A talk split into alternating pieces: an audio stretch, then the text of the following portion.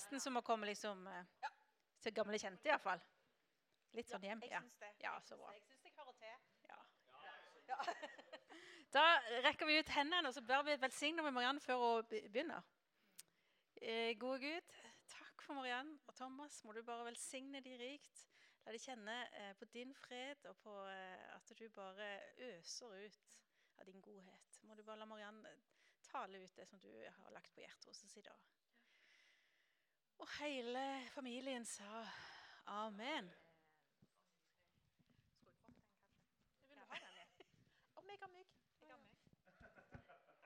Vi diskuterte på forhånd om jeg skulle ha håndholdt eller om jeg skulle ha mygg. Og så endte vi opp på mygg. Det hadde jeg glemt akkurat nå.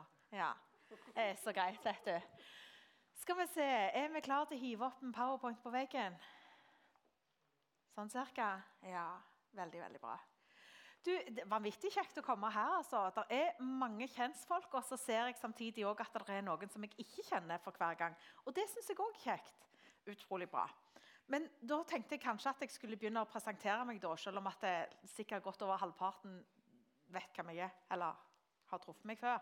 Er det greit at jeg presenterer meg allikevel? Dere kan bære over med det. Ok, takk, takk. Der er det noen også som har lært at jeg er avhengig av eh, tilbakemelding, for ellers blir jeg veldig gretten. Samuel. Takk. God hukommelse. Eh, Mariann Nygaard, gift med Thomas, som sitter her. Eh, I dag er han støttekontakt for meg. Eh, andre ganger når han er ute og taler, så er jeg støttekontakt for han. Eh, vi syns det er utrolig fint å kunne gjøre eh, sånne ting sammen. Så det er et av våre privilegier. Eh, det har seg da sånn at Vi har fire barn, og alle er store. Eh, de er fra 22 til 28 år, så nå har alle flytta ut. Og så eh, Hva sa du? Ja, de kommer hjem når de er sultne. Ja, det gjør de. Det er sånn Jeg skulle til å si når de savner oss, men så eh, tenkte jeg nei, nei, vi sier når de er sultne. For vi er der, liksom. Men veldig, veldig kjekt. Kjekt å se at de klarer seg hver på sin kant. Noen er her rundt omkring, og andre er litt lenger vekke og reiser. Og så bor vi på Sandnes, og så jobber jeg inne på IMI. Eh, skal vi se, Er det noen av dere som har vært på Impuls noen gang? Ja, det var, å, det var godt. Da, da snakkes vi neste uke òg, kanskje. sant? Gjør vi det? Ja. Awesome. Veldig, veldig bra. Eh, jeg underviser på Akta bibelskole, så Imi kirka sin bibelskole, og der er jeg linjeleder for profeti. Profeti betyr altså å høre og få et budskap fra Gud og gi det videre. Ikke sant? Ja. Men i dag skal jeg snakke om 'mens vi venter på et under'. Mm. Og En del av vår historie den er det flere av dere som kjenner til. Men det handler òg om at yngstemann hos oss ble veldig syk på et tidspunkt. Og han, eh, han var frisk som nyfødte baby, og så ble han kjempesyk når vi skulle begynne å introdusere vanlig mat. Ehm, og Det er det mange av dere som vet om. Og jeg nevner det fordi det henger sammen med det jeg skal snakke om i dag. Etter hvert så, etter flere måneder på sykehus, forskjellige sykehus så fant de ut at han ikke tålte mat. Eh, og kunne ikke fordøye mat i det hele tatt. Det var ikke bare det at han ikke tålte gluten eller laktose, men han tålte ikke mat. Så han fikk all næring intravenøst. Og på et øyeblikk så hadde hjemmet vårt blitt et sånn et minisykehus. Og vi levde et liv i stadig beredskap. For etter hvert så fant vi ut det var flere ting. Han hadde muskelsvinn, og barnevogna ble bytta ut med rullestol da han var fire. Eh, han hadde eh, epilepsi, eh, hjerteproblemer. Eh, han hadde immunsvikt som gjorde at han kunne være helt frisk, og så plutselig så ble han ekstremt syk på 15 minutter. Og han gikk fra å ha normale temperatur til å ha 41 i feber eh, på 15 minutter. Det er dramatisk. Det er ekstremt dramatisk. Det ser ikke pent ut når noen blir så syke på så kort tid. Og så var det sånn at Han ble stadig dårligere. Og Vi hadde et godt samarbeid med sykehuset både her på SUS og oppe på Haukeland. Og Vi hadde en, en dialog om dette med livskvalitet foran livslengde. For vi skjønte at vi kom til å ha han i, på korte tid, eller i korte tid. Og så I 2011 så var det en av legene som sa til oss at eh, jeg vet at dere har snakket om å, å reise på en tur sammen med familien for å samle minner til han er død. Nå er tida for det.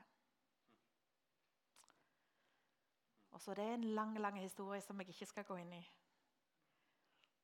Men i løpet av den ferien som vi var på, så besøkte vi en menighet, og Adrian ble bedt for. Og der og da så ble han helbreda.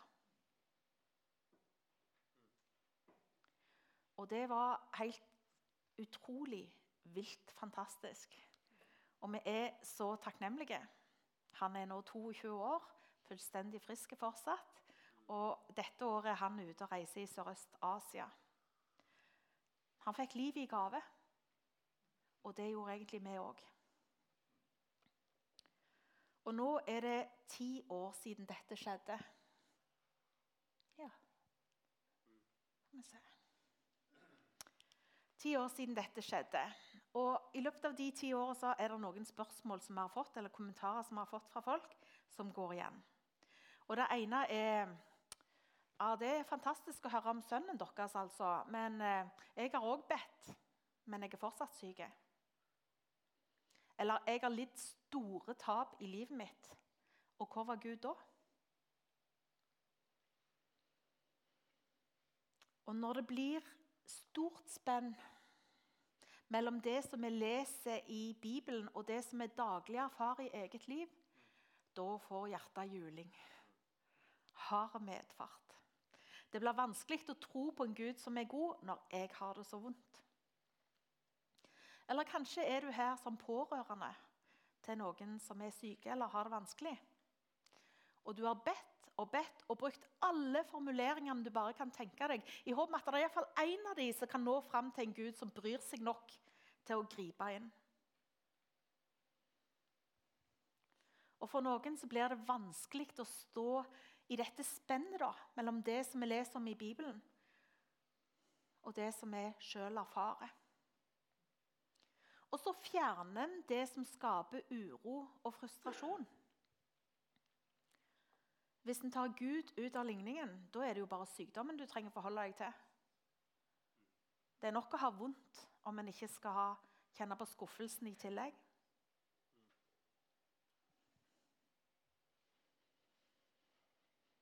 Og Hvis det gjelder deg eller noen som du er glad i, så har jeg altså skrevet denne boka for deg. Mens vi venter på et under, handler om nettopp disse vanskelige spørsmålene her. Og jeg fikk et spørsmål fra en journalist da, som sa å ja, så mens vi venter på et under, er det sånn at når du har lest denne boka, så får du et under? Og jeg måtte virkelig ta meg i sammen for å ikke si mm -hmm. Men så skjønte jeg at ikke, de kjente ikke meg, og det var ikke sikkert de ville forstå at det var tull. Og uansett så ville de gjøre seg veldig dårlig på trykk, tenkte jeg. Så jeg holdt meg. For det handler jo selvfølgelig ikke om det. Hvordan skulle det være for de som har mista, da? Hvordan skulle deres synder se ut? Men det handler om Gud som kommer nær deg i ventetida.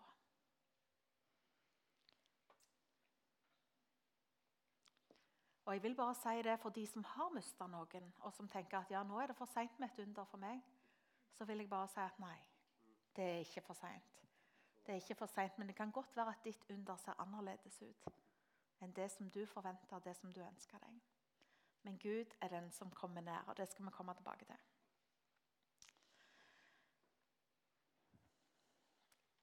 Ingen liker å vente. Det ligger jo litt i, i selve konseptet. ikke sant? Er, du, du, venter, for du har ennå ikke erfart det som du håper på, eller det som du venter på. Sant? Det er litt som å se på maling tørke. Ikke så inspirerende på en måte. Men ventetida er meint å ha et innhold. En retning. I ventetida så kommer Gud deg i møte der du er, og du får tilgang til sider ved Gud som du ikke har adgang til når livet er plankekjøring. Og det vil ikke du gå glipp av. For livet er sjelden plankekjøring.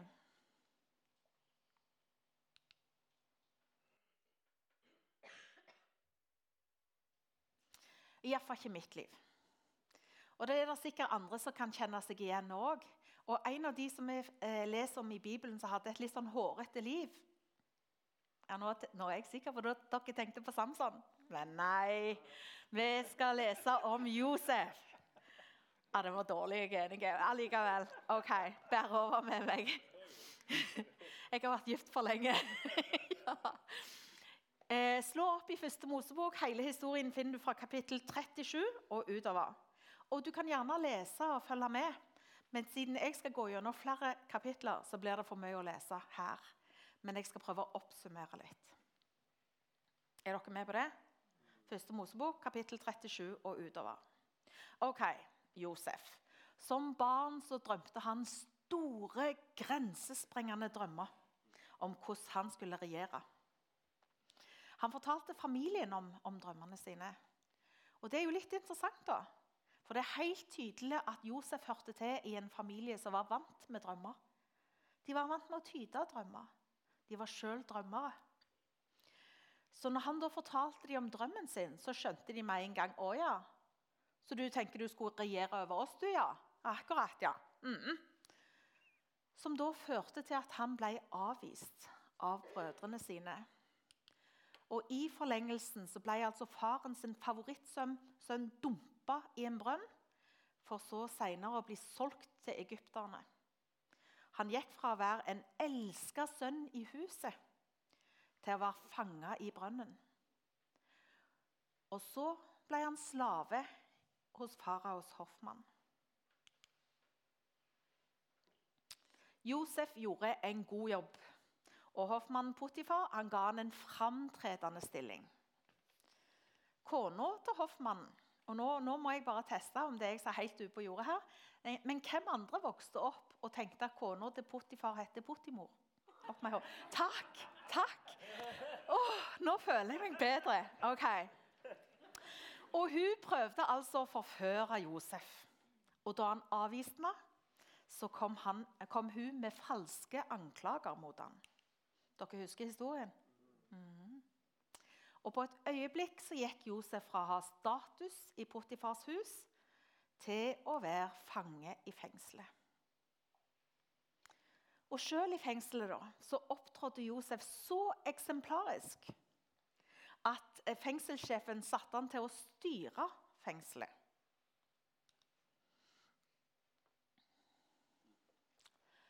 Dere skal få et vers, og det må dere slå opp i. Det er første Mosebok 39, vers 23. Første Mosebok 39, vers 23. For Herren var med Josef. For Herren lot alt det han gjorde, lykkes for ham. Altså, Kan vi stoppe litt? Josef er i fangenskap for tredje gang. Og Herren lar alt det han gjør, lykkes for ham. Hvis det var sant, så hadde han ikke vært i fengsel. Skulle ikke han regjere? Hadde ikke han et løftesord over livet sitt? Men Josef arbeida trofast der han var satt.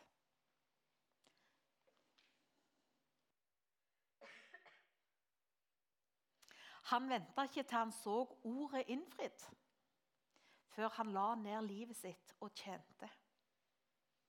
Og han holdt ikke tilbake sin overgivelse i påvente av å få det som han hadde blitt lova. Han tjente Gud og medmennesker. Og han utøste livet sitt, sjøl mens det var vanskelig. Og selv når oppfyllelsen av eh, løftesordet syntes langt, langt vekke, så holdt han ikke tilbake sin tilbedelse.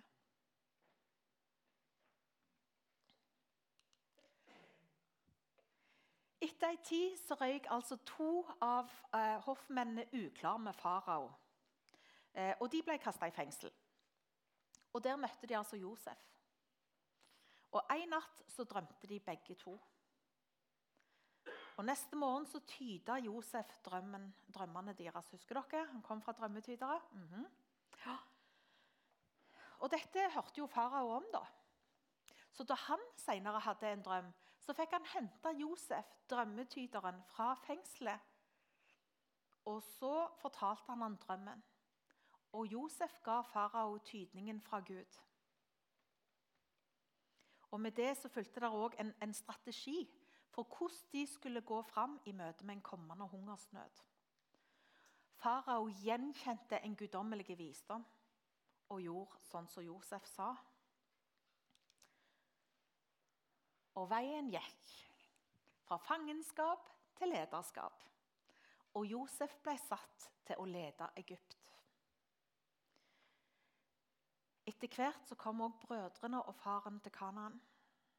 Det var jo sånn at Denne hungersnøden som var, den ramma jo ikke bare Egypt, den ramma jo hele området. Ikke sant? Og nå kom de til Egypt fordi eh, de sulta i sitt hjemland. Og de hadde reist den lange veien til Egypt for å få mat. Og Dette her, altså, folkens, dette er en helt fantastisk historie som dere gjerne kan lese sjøl i 1. Mosebok kapittel 42-46.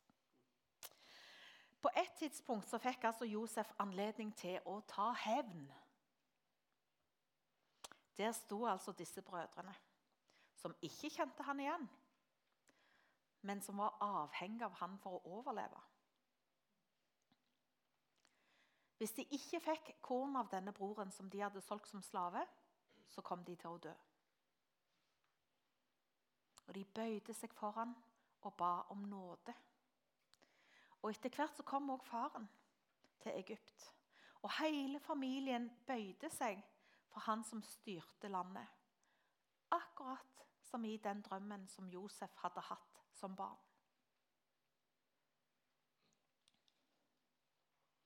På samme måte som brødrene hadde tatt avgjørelser da, som la føringer for Josef sitt liv, framtida hans, så holdt nå han deres skjebne i sin hånd. Endelig kunne han få rettferdighet. Og så valgte han nåde. Han gjorde ikke mot de sånn som de fortjente. Det var ikke deres handlinger som avgjorde hva Josef gjorde. Josef handla ut ifra sin sanne identitet. Som sønn, som utvalgt, som leder. Og uavhengig av hvorvidt Josef var slave eller herre, i fangenskap eller i frihet, så var han uansett den samme. For Herren var med Josef. For Herren lot alt det han gjorde, lykkes for ham. Og jeg lurer på om det var sånn Josef følte seg. Da han ble forrådt. Da han ble kasta i brønnen og forlatt. Da han ble anklagt for noe han ikke hadde gjort. Da han ble kasta i fengsel. Tro om han følte seg utvalgt og elska. At alt det han gjorde, lykkes for han.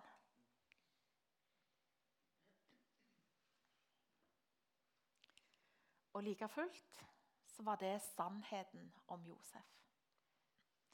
Han var ikke den som erfaringene, omstendighetene eller anklagene tilsa. Han var den Gud sa han var.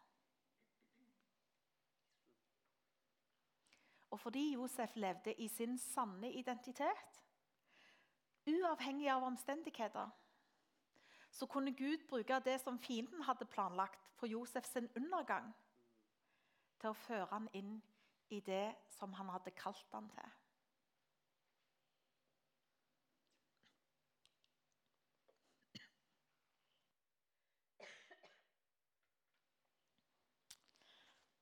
Går det greit med dere? Josef holdt altså fast ved sin identitet, uansett hva følelsene hans tilsa. Han tok ikke identiteten forkasta, svikta,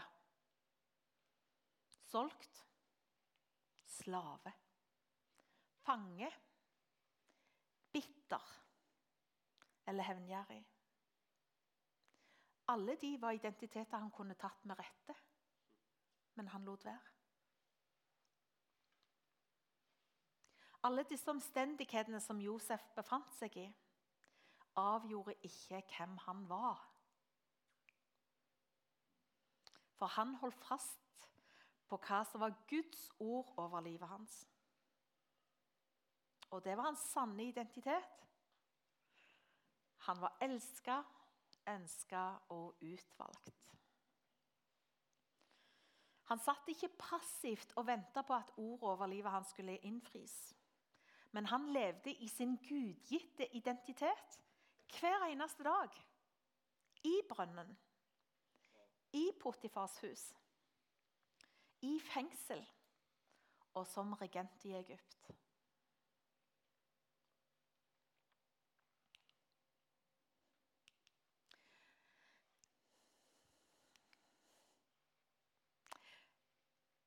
Vet du hva navnet Josef betyr? Det vet du som regel ikke, med mindre du heter det. Dere vet det. Ja? Skal vi høre om vi har hørt samme betydning? Måtte det bli en øke? Ja. Eller sånn som vi sier på Sandnes, her, måtte det bli en auge. Måtte Gud gi en auge, og det er i bønn. Måtte det bli stadig mer av det som Gud hadde lagt ned i ham. Måtte Gud stadig bli mer æra gjennom Josef sitt liv. Og måtte Potifars hus være velsigna pga. Josef. Og måtte Egypt ha framgang fordi Josef var der. Egypt, landet som hadde ham som slave. Og allikevel er det ikke det som avgjør hvem Josef er. Han visste hvem han var. Hvem er du? Hva har blitt sagt over ditt liv? Og Nå kan det godt være at du tenker det er ikke en puck som har blitt sagt over mitt liv. faktisk. Ingen har sagt noe som helst om mitt liv. Men da er det på tide at du tar fram boka. For der er det sagt ganske mye over ditt liv, og det er det viktigste som har blitt sagt noensinne. Alt annet må vike for det. Hva drømmer bærer du på? Drømmer gir oss ofte en indikasjon på hva Gud har lagt ned i oss og hva han kaller oss til, hva han inviterer oss til. Hva er det som ligger der framme for deg, som du bare får sett et glimt av? Hva er det i din historie som Gud bruker for å forberede deg på det som ligger foran?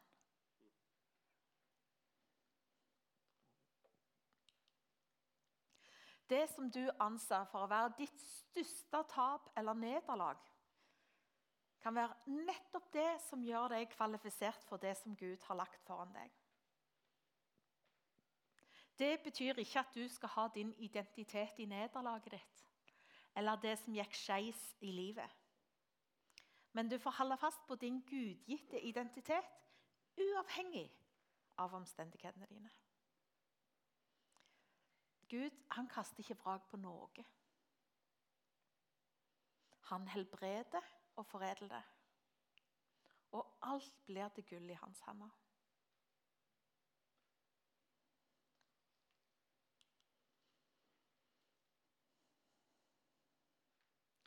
Så hva gjør vi mens vi venter?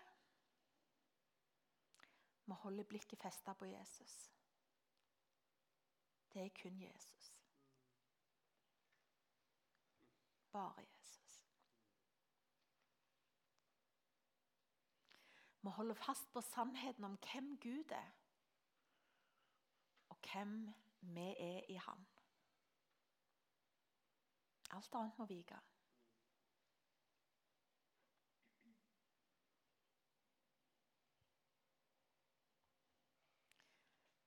Spør han hvem, hvem vil du være for meg.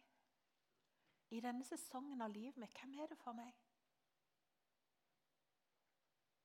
Er det fortsatt sånn som det står i Salme 119, vers 68? du er god, og du gjør godt, er det fortsatt den du er? Akkurat nå? Vis meg. Jeg inviterer deg, Gud, til å vise meg at du er god, at du gjør godt. Kanskje er du her som tenker ja, jeg vil se flere helbredelser. Det, det er det jeg vil. Jeg lengter etter å se flere helbredelser. Og da skal du få en nøkkel av meg, sånn at du kan få se flere helbredelser. Er du klar for det? Ja, skriver du ned? Nøkkelen til å se flere helbredelser, det er å be for flere syke. Og vet du, Det er ikke alltid det kommer naturlig for meg. For En skulle på en måte ikke tro det, da, men jeg blir akutt sjenert. Ler hun, vet du. Så gale. Men det er faktisk helt sant. Så min bønn har vært de siste ti åra La lengselen bli større enn ubehaget. La lengselen etter å se det Gud gjør, bli større enn mitt eget ubehag. Fordi at jeg ser at det er de som jeg ber for, det betyr så mye. Når Gud griper inn og gjør det som jeg ikke kan gjøre i meg sjøl, men som han gjør. Så det er min bønn. La lengselen etter hva du gjør, Gud, la det være større enn mitt eget ubehag.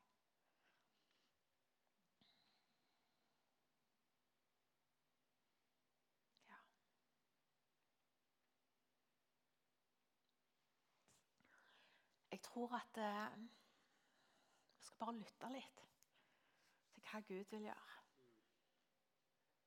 Og så vil vi be inn i det. Være med på det som han gjør.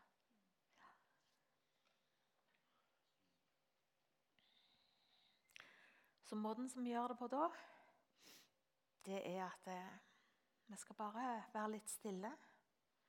Og så vil vi spørre Gud hva han gjør. Og så vil jeg be for det som han nevner. Og hvis du kjenner at det gjelder deg, så kan du få legge hånda på hjertet ditt.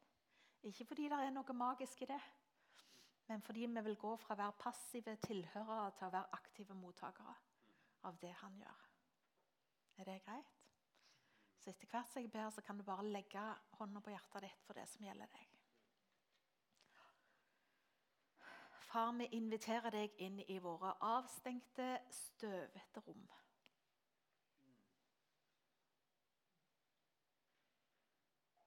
Du skal få adgang til alt det som jeg har holdt for meg sjøl. Enten det er fordi det er skambelagt, eller fordi jeg har mista håpet. Kom, far. Takk for at du er god, og det du gjør, er godt. Kom, Hellige. Takk for at du kommer med kjærlighet og fred. Vis oss hva du vil gjøre her.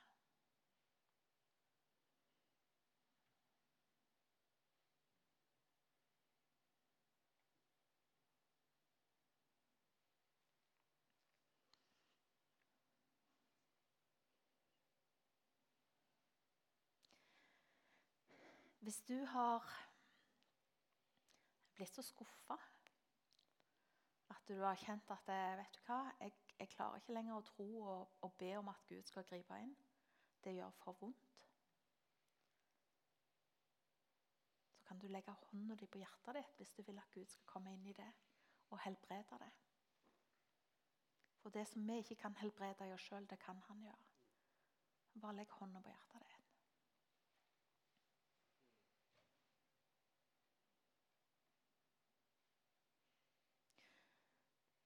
Jeg vil gjerne be for deg som kjenner at du har holdt tilbake din tilbedelse til Gud i påvente av at han skulle gjøre det som du syns han burde. Hvis du kjenner at det vil jeg legge ned for han. Jeg vil ikke lenger holde tilbake min tilbedelse og min overgivelse. Men akkurat nå i denne sesongen så vil jeg legge det ned for Jesus. Så kan du legge hånda på hjertet ditt.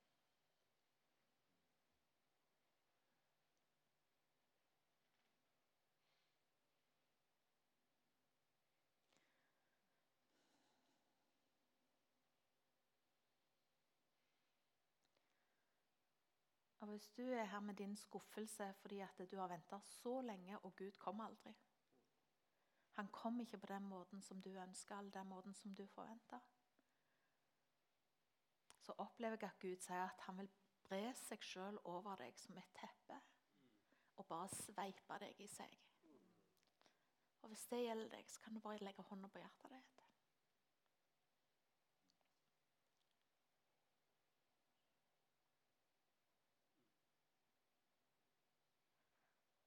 Jeg så, ser foreldre som er så utrolig sinte fordi at Gud ikke har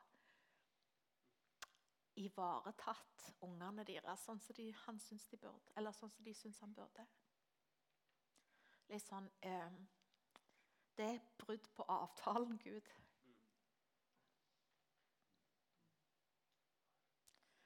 Far, jeg ber om at du helbreder hjertene. At du trøster. At du gir et sant bilde. Og at du berører hver en av de ungene som har blitt nevnt her. Og Hvis det gjelder deg, så kan du legge hånda på hjertet ditt og si til Gud at 'jeg tar imot deg'.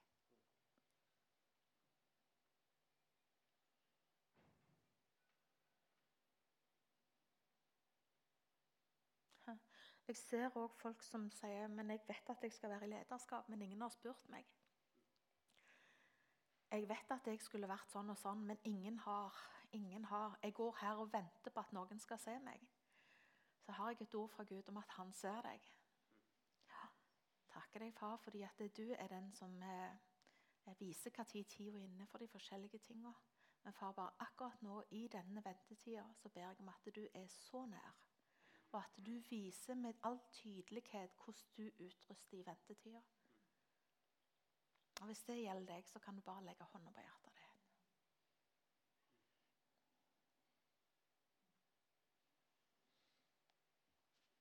Far, vi er bare så takknemlige. Vi er så takknemlige fordi at du kommer til oss der vi er. Ikke der vi syns vi skulle ha vært, men du kommer til oss der vi er. Vi er så takknemlige. Kom, Hellige Ånd, og helbred, gjenopprett, gi lys, gi håp. Vær så veldig, veldig nær. Takk for at vi får bli kjent med trøsteren i denne tida her. Takk for at vi får bli kjent med helbrederen. Takk for at vi får bli kjent med den Gud som vekker oss til live. Takk for at vi får bli kjent med den Gud som gir vekst midt i, midt i alt. Vi er så takknemlige, far. Vi vil ikke gå glipp av noe som du gjør i våre liv. Takk, Jesus. Amen.